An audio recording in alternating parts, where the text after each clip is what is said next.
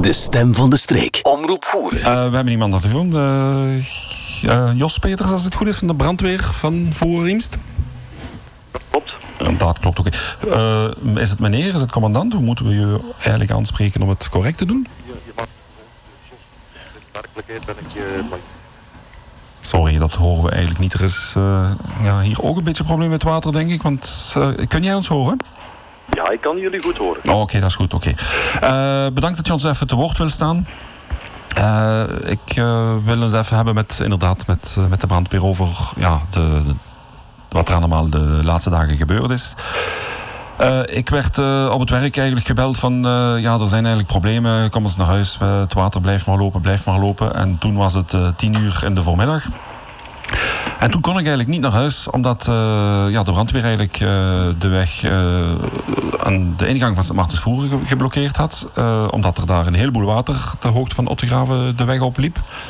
En toen vernam ik ook van de brandweer dat ze eigenlijk al vanaf vier uur s'nachts bezig waren. is het toen allemaal al, al begonnen? De, ik heb niet een precieze tijdslijn mee van, wanneer op. Is dat de dag van de wateroverlast zelf? Hallo? Ja, hallo, zeg ik nog eens. Uh, je hebt niet, niet, niet de precieze tijdstip, zei je? Ja, ja ik, ik, kan, ik kan jullie het, het, het volgende meegeven. Wij zijn ja, ja. dus op de dinsdagavond begonnen met, met vooral wateroverlast in de streek van Riemst. Mm -hmm.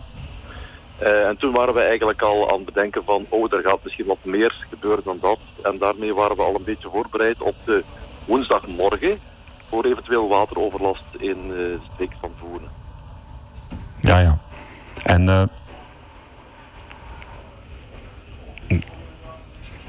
Nou, er gaat duidelijk iets mis. Kun jij ons horen? Of altijd horen, ja. Ah ja, oké, okay, uh, sorry, vertel maar verder. Dus en toen waren jullie eigenlijk al aan het voorbereiden op wat er in Voeren Moelingen kon gebeuren?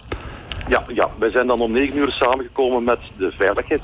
De veiligheidscel is de cel waarin uh, zowel politie, brandweer als de gemeentelijke diensten samen zitten. Samen met de noodplanambtenaar van de gemeente Voeren, dat is Pascal Rassijn. En samen met de burgemeester om te bekijken van wat gaat er afkomen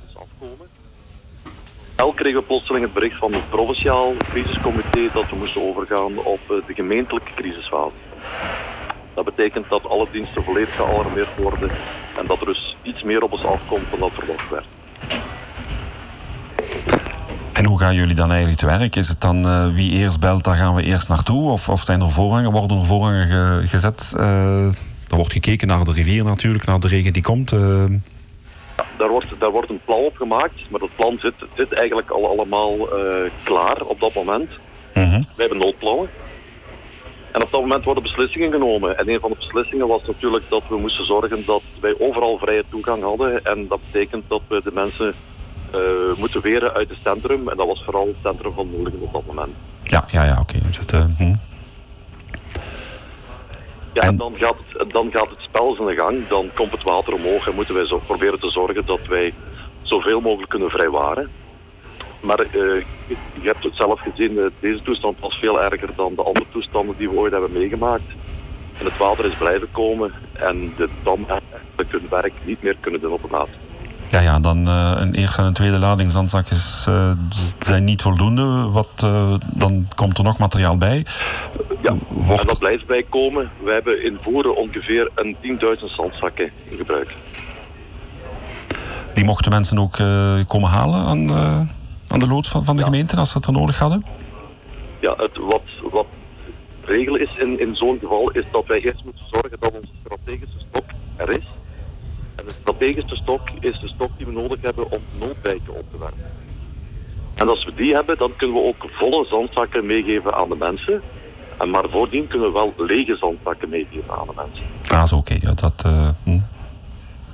dat kan ook wel helpen inderdaad voor degene die dan uh, snel uh, ja, wil ja. geholpen worden, uiteraard. Ja, ja. Vooral alle duidelijkheid, dat heet wel een zandzak, maar eigenlijk is het een zak waarin van alles kan gestoken worden. Zelfs gewone grond kan in een zandzak gestoken worden en die helpt evenveel. En die helpt evenveel dan op dat moment, ja, ja. Hm. Ik heb mensen inderdaad van, ik ben mensen van Teuven tegengekomen inderdaad die uh, met elkaar waarschijnlijk met zandzakken terug naar Teuven reden. De problemen voor de brandweer is de brandweer overal moeten gaan, zowel Teuven, Marten, Voeren en Smoelingen? instantie werd door de meteorologische dienst gemeld dat het alleen de Berwin zou zijn. Dus hebben we ons daarop. Maar hadden al gemeld dat ook...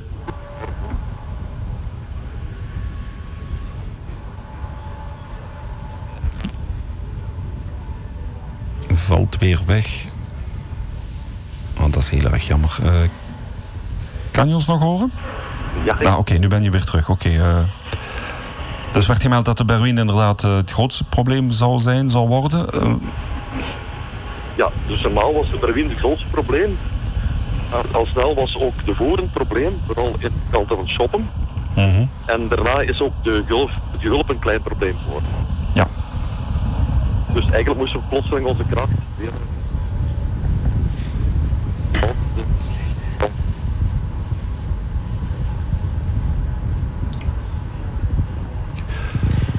Ehm, ja, ik, hier zijn er grotere problemen nu voor het ogenblik met, de met de techniek.